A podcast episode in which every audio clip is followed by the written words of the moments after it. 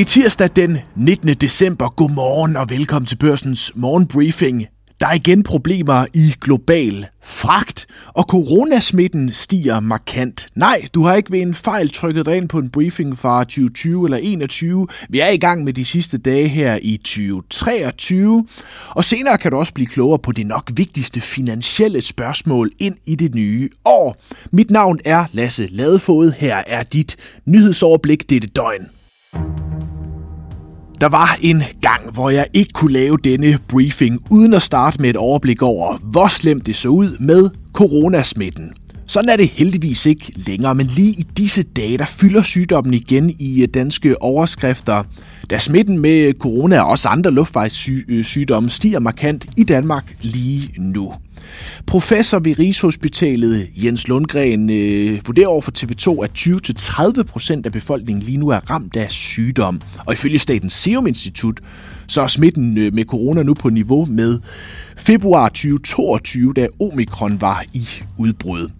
Allan Randrup Thomsen, professor i biologi, han siger til TV2, at man bør tage sig visse forholdsregler, f.eks. For give hånd med albuen, men at store politiske indgreb, som for et par år siden ville være citat, at skyde gråsburve med kanoner.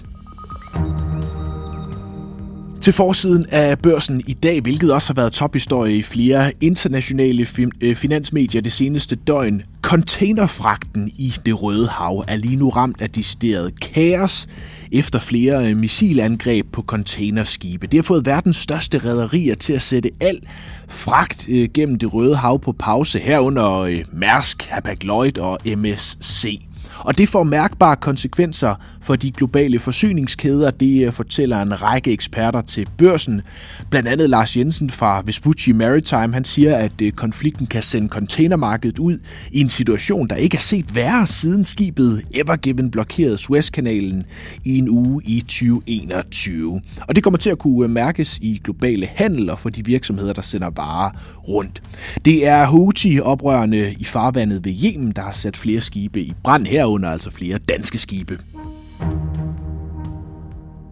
Det dansk stiftede IT-selskab TradeShift er lige nu ramt af en øh, krise efter at selskabets medstifter og tidligere topchef Christian Lang øh, for nylig blev fyret efter en sag om krænkelser af en tidligere medarbejder. Men også økonomisk har selskabet været i problemer, skriver Finans TradeShift har blandt andet været bagefter med husleje og andre betalinger. Flere kreditorer har således lagt øh, sag an mod TradeShift i San Francisco for manglende betalinger. TradeShift forklarer sig med, at man øh, sidste år havde svært ved at rejse nye penge grundet det øh, pressede venture-marked. TradeShift er øh, stiftet i Danmark i 2010 og laver betalinger mellem virksomheder. Selskabet er tidligere blevet værdisat til 18 milliarder kroner.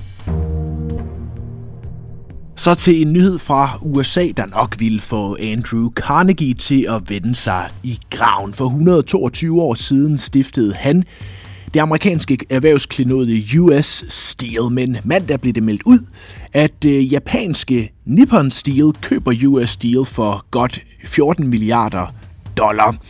En gang der var det Pittsburgh-baserede US Steel verdens største selskab, men salget til øh, japanerne markerer afslutningen på mange års nedtur, øh, skriver amerikanske finansmedier.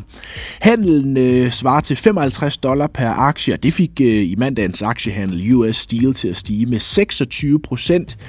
Det japanske køb kommer efter flere bud, også fra amerikanske konkurrenter. Planen er, at man trods salget til øh, Nippon Steel beholder produktion i USA, oplyser selskabet. Vi bliver i USA, mens julehandlen går ind i sin slutspurt, har Apple sendt lidt af en chokmelding ud for dem, der ønsker sig et smartwatch.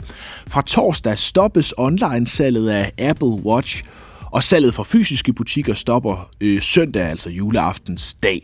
Årsagen er en patentstrid om dele af øh, Apple Watch-teknologi. Det er en dom, der faldt allerede i oktober. Ifølge Wall Street Journal kan den her melding fra Apple få selve præsident Biden på banen i sagen, og i øvrigt føre til hamstring af Apple Watch herop mod jul. Apple er øh, verdens mest værdifulde selskab, men i det seneste regnskabsår faldt salget for første gang siden 2019.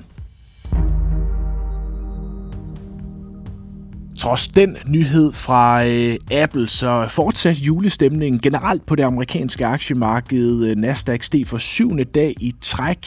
S&P 500 er nu blot 1,2 procent fra at slå sin rekord fra januar 2022. Apple faldt en øh, lille procent på smartwatch-historien til gengæld steg Meta næsten 3%, Alphabet 2,5%. I Danmark der var Mærsk i øh, toppen steg med 3%, mens Novo steg 2,2%. Ørsted endte, som selskabet ofte har gjort før i år, i bunden med et fald på 3,6%. Vi slutter med det, der vel nok bliver det vigtigste for de finansielle markeder ind i 2024, nemlig renten. Den styres i høj grad af USA's centralbank, der over de seneste to år har hævet USA's ledende rente fra 0 til 5,5 procent. Forleden indikerede chef i Federal Reserve Jerome Powell så, at øh, nu kan der være rentesænkninger på vej næste år, men det kan man ikke være så sikker på, har det lyttet fra flere sider. Min kollega Kenneth Prafke, han har talt med tidligere vicechef i Federal Reserve, Richard Clarida, om hvad han tror kommer til at ske med renten næste år. Hvis inflationen, der lige nu er lidt over 3%, fortsætter med at falde de kommende måneder, så tror Richard Clarida af Federal Reserve, de vil være klar til at sænke renten første gang omkring juni næste år. Og hvis vi får den her bløde landing af amerikansk økonomi, som mange håber på, så tror han, at renten over de næste par år vil blive sat ned til omkring 2,5%. I dag er Feds øh, rente over 5%. Men, siger Clarita også, der er en risiko for, at inflationen ikke falder helt så hurtigt i 2024, øh, som den har gjort i 2023, og rentelettelserne derfor godt kan ligge længere væk. Jeg har også spurgt Kenneth Prafke om, hvilke problemer der så kan være i det, der allerede er meldt ud fra Fed-chef Jerome Powell. Richard Clarita han havde forventet, at Federal Reserve de ville forsøge at købe sig mere tid, før de signalerede, at det næste, de gør, formentlig er at sænke renten. Der har længe været en diskussion om det, man kalder den sidste mil, øh, og om det bliver sværere at få inflationen ned fra 3 til 2 procent, end det har været at få inflationen til at falde fra 9 til 3 procent. Og der er Clarita i den lejr, at det godt kan blive svært, og det derfor også er for tidligt helt at tage renteforhøjelser af bordet. Og det er også værd at bemærke, at siden Fed-pressemødet i sidste uge, så har der også været en stribe medlemmer af centralbanken ude og trække lidt i land og sige, at rentelettelserne altså ikke er lige om hjørnet, sådan som markedet indpriser. Du kan læse meget mere i børsen i dag. Tusind tak, fordi du øh, lyttede til denne morgenbriefing. Vi er tilbage igen i morgen. Ha' en rigtig god tirsdag.